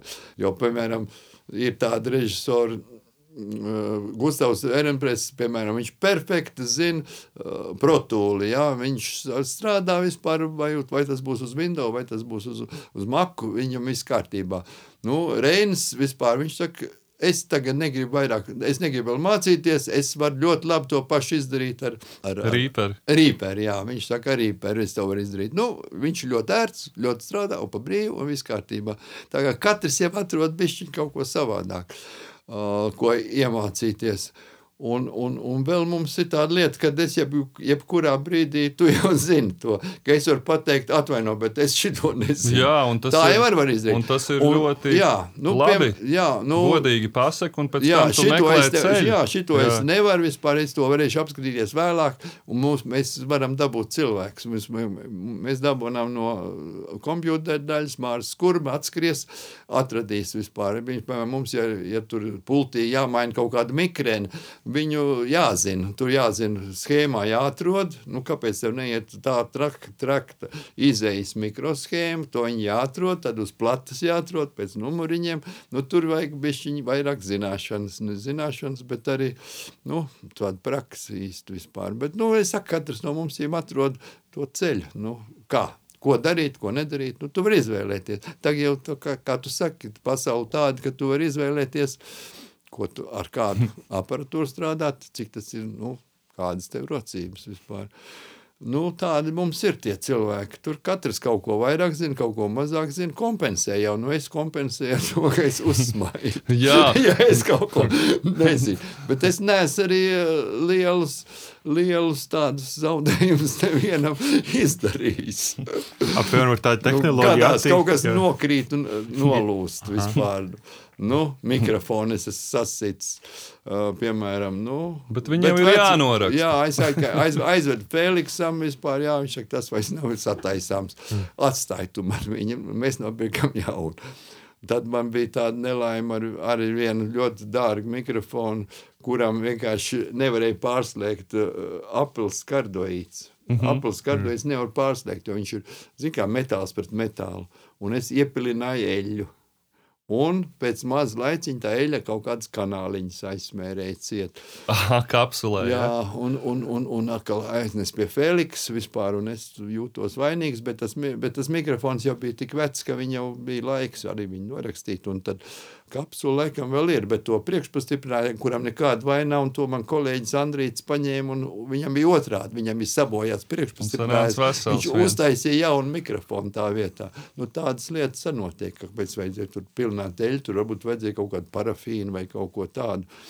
Zini, nu, mašīnēļu. Nu, mašīnēļu jau drīkstēt, piemēram, ja man ir kaut kāds uh, statīvs krūvis. Nu, jā, lai tur, viss, tur var iepilināt, bet tajā mikrofonā tur tas mazs slēdzīts vispār nedrīkst iedarīt. Tas jau ir gadās, ka tu ka tu kaut ko izdari ne tā, kā vajag. Bet, nu, jāmācās, ir tas ir mūža darbs. Nē, tas ir gustiņš. Sevišķi, ka nāk iekšā. Es iemācījos ar minidisku un ar datu, ar visiem tiem. Manam minidisku bija to vācu žurnālistes tekstus montēju baigā ātrumā, jo viņai bija eh, jātaisa reportāžas, jāiztīra, nu, ierakstīts ar, mikro, ar reportieru, viss iztīrīt, jautājums atbildes, jautājums atbildes, dopaši minidisku samontēt, vajadzēja no centrālas noraidīt, Vācijā viņi ierakstīja un eh, gāja gaisā.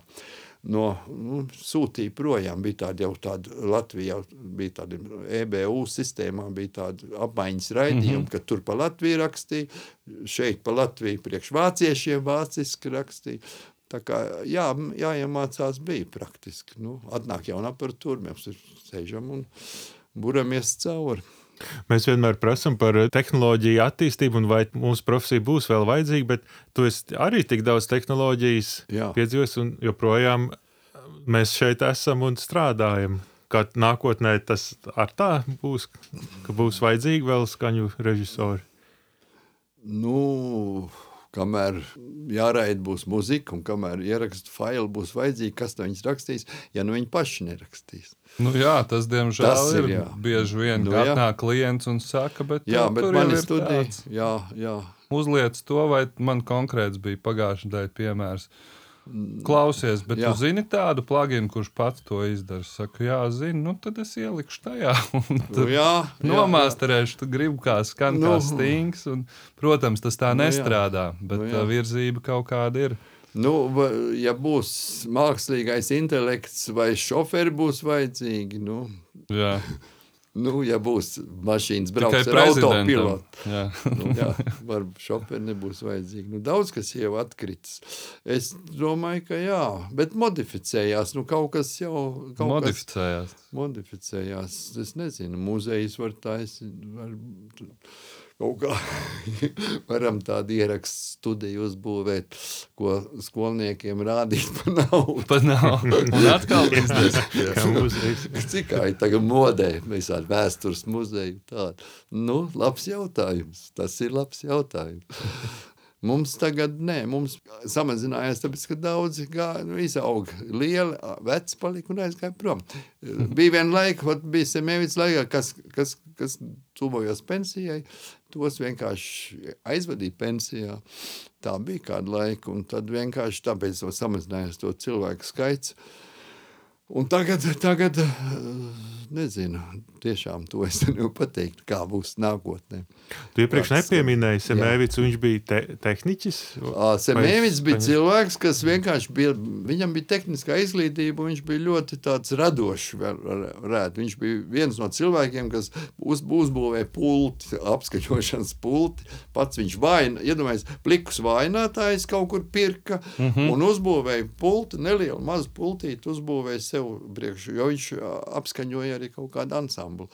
Un viņš bija ārpus studijas ceha inženieris un tāds baigi aktīvs puika. Un tad bija tā, ka bruka viss tā padomu savienība, tad it kā vajadzēja radio rekonstruēt ar jauniem tādiem, nu, kaut kādiem kadriem, kas tehniskajiem un, un tiem tālāk. visiem, jā. Un viņš bija tas, ka taj, tajā brīdī viņš šausmīgi uh, aktīvi un tā patriotiski iesaistījās tajā darbā. Un viņš kļuva par direktoru, un kloti, Klotiņš par priekšsēdētāju bija vienlaika Arnolds Klotiņš, un viņš bija inženieris.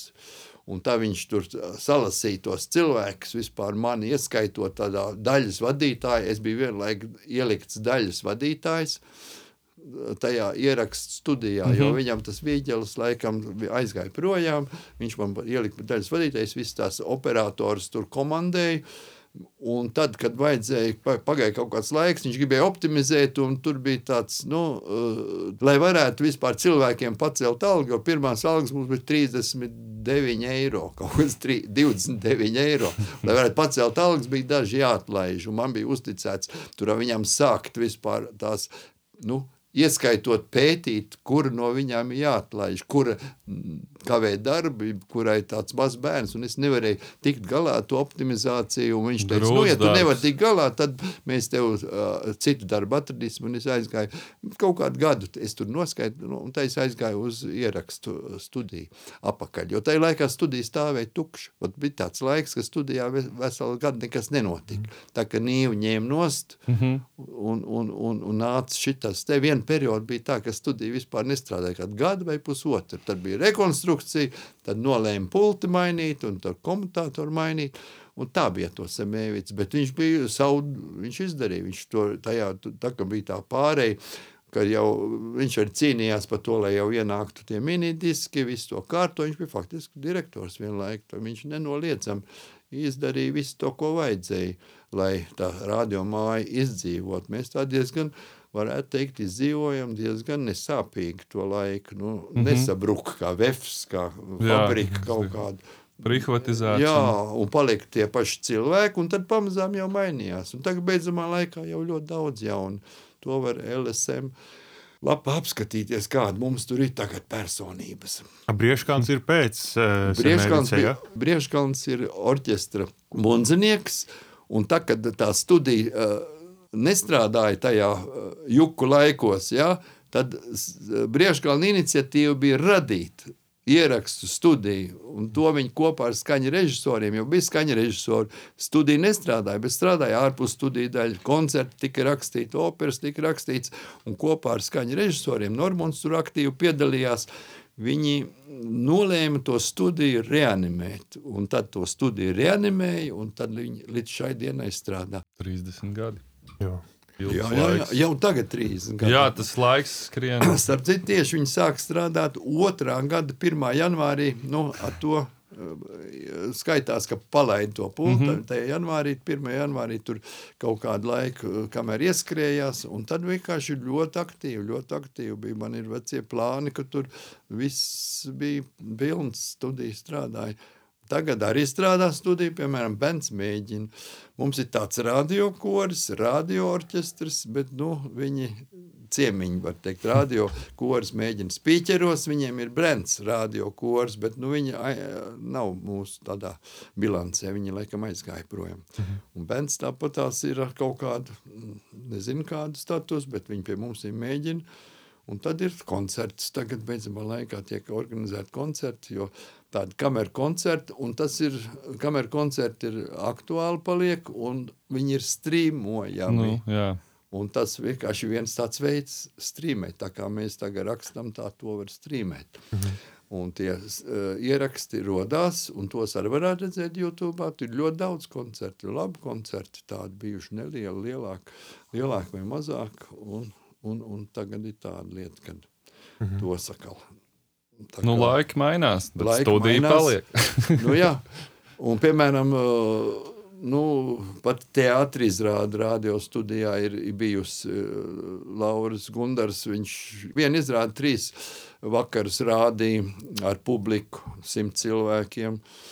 Tagad tagad ir Dailas kanons, ir tāds, ir tāds ieraksts, ne, nu, tāda koncerta sērija. Raimons Pauls ar diviem aktieriem, kuri dzied un lasa dzēju, un tur notiek tādas, zinām, mērā tā ir tāda muzikāla literāra kompozīcija, un tādas koncerts notiek, un viņi tiek nofilmēti. Viņus netranslē tajā brīdī, nofilmē, un tālāk viņus pēc vajadzības kaut kur tur izvieto. Vai nu tas ir kaut kādā mājaslapā, vai kur viņi nonāk. Tā, kā, tā mēs tur vēl strādājam. Mm -hmm. Nobeigumā, ja, te mums ir tādi ātrie jautājumi, jautājumi. Jā, mēģinam. Kur tad, kas tev ir zem mēles, to saki, jā. atbildi. Tad, nu, Nīve vai SSL Nīve. Čikāgas piecīši vai bītli? Bītli. Koncerts vai ieraksts? Ieraksts. Mikrofons numur viens ir. Mikrofons numur viens - šops. Aha. Kuru audio iekārtu vajadzētu aizliegt?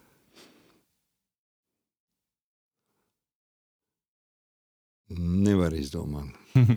Var atstāt visus. ja. Uh, nu, jā, šops vai Noimans? Noimans. Uh, fāze vai polaritāte?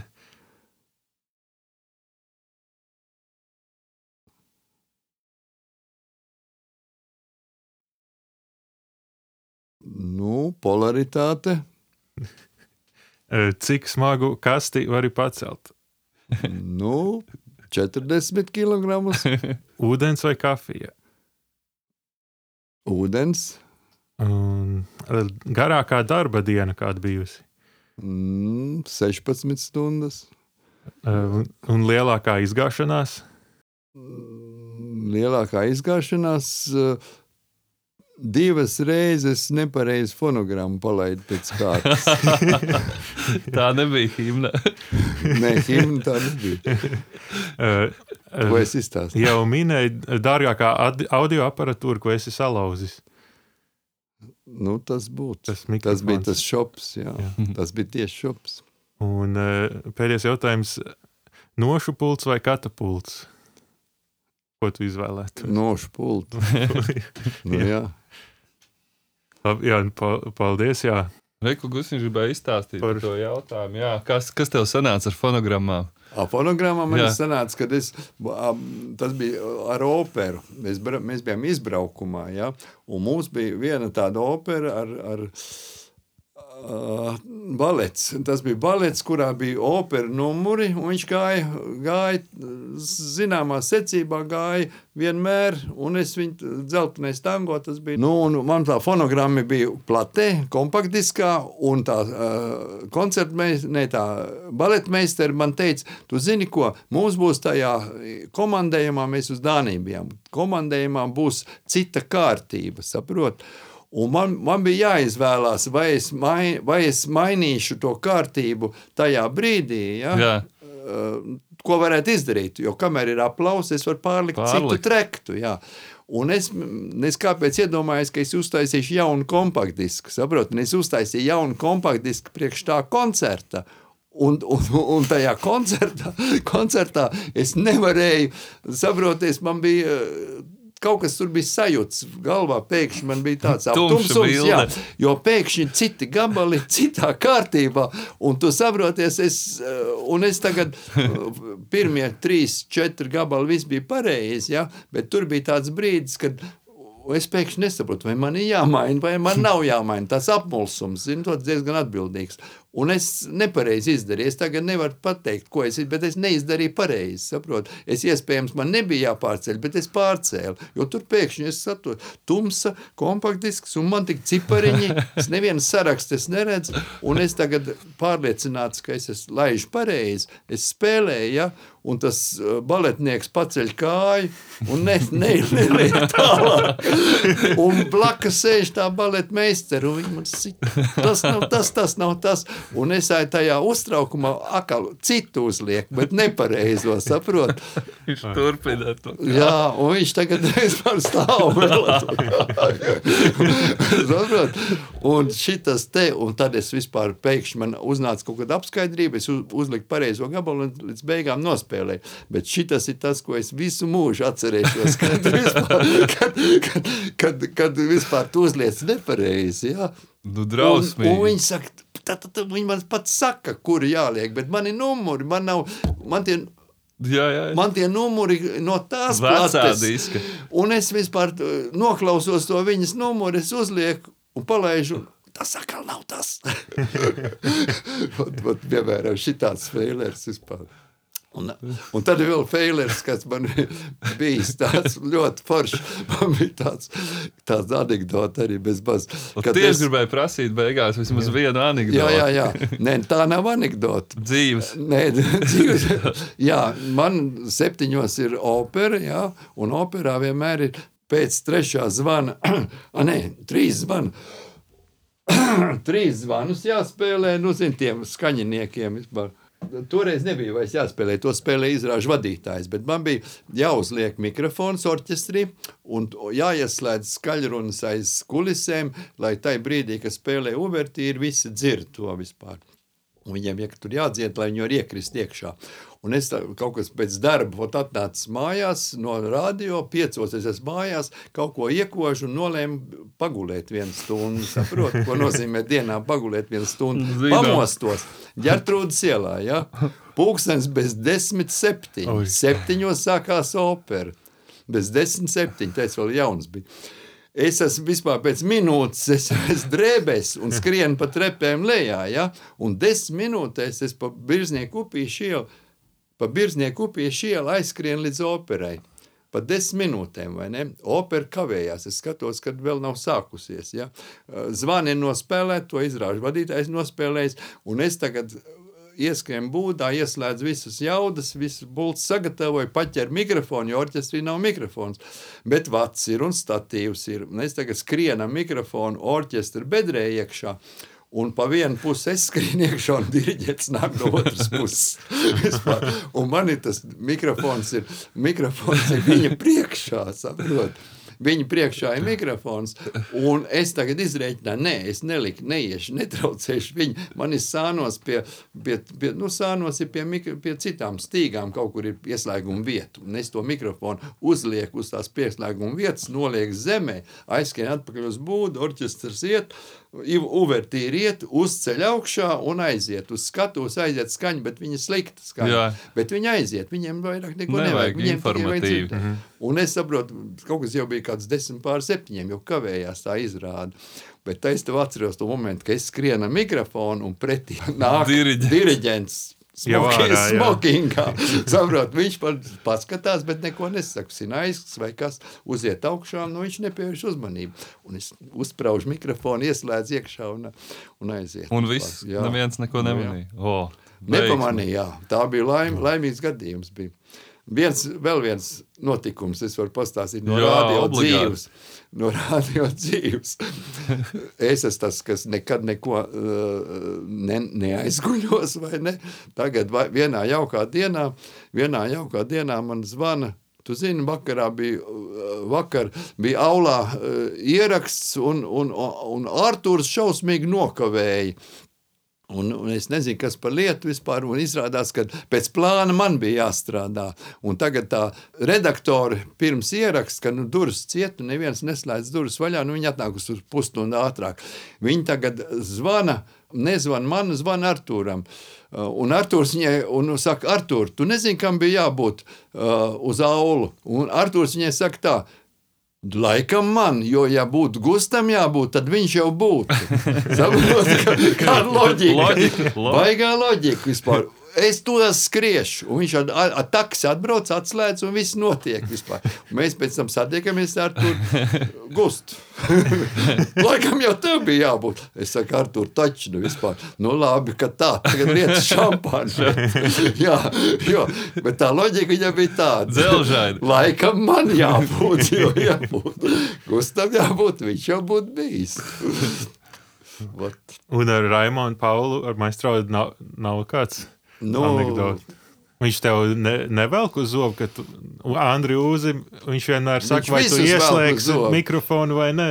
Viņš oh, no ar, ar Pauli, nē, viņš jau kā man pacieš, bet ir bijis tā, ka viņam ausīs iedod, iedod saiti vispār, ne, ka viņš uzliek austiņu, mēs, mēs sakam, maistru uzliekiet savus, uzliekam ausis, un nav, nav saslēgts trakts, un es iespiežu selektoru, un viņam ir aiziet, un viņš norauj nost, un sarkans paliek, bet, nu, kaut kā, kaut kā viņš vēl tā nav, nav izēdis ārā.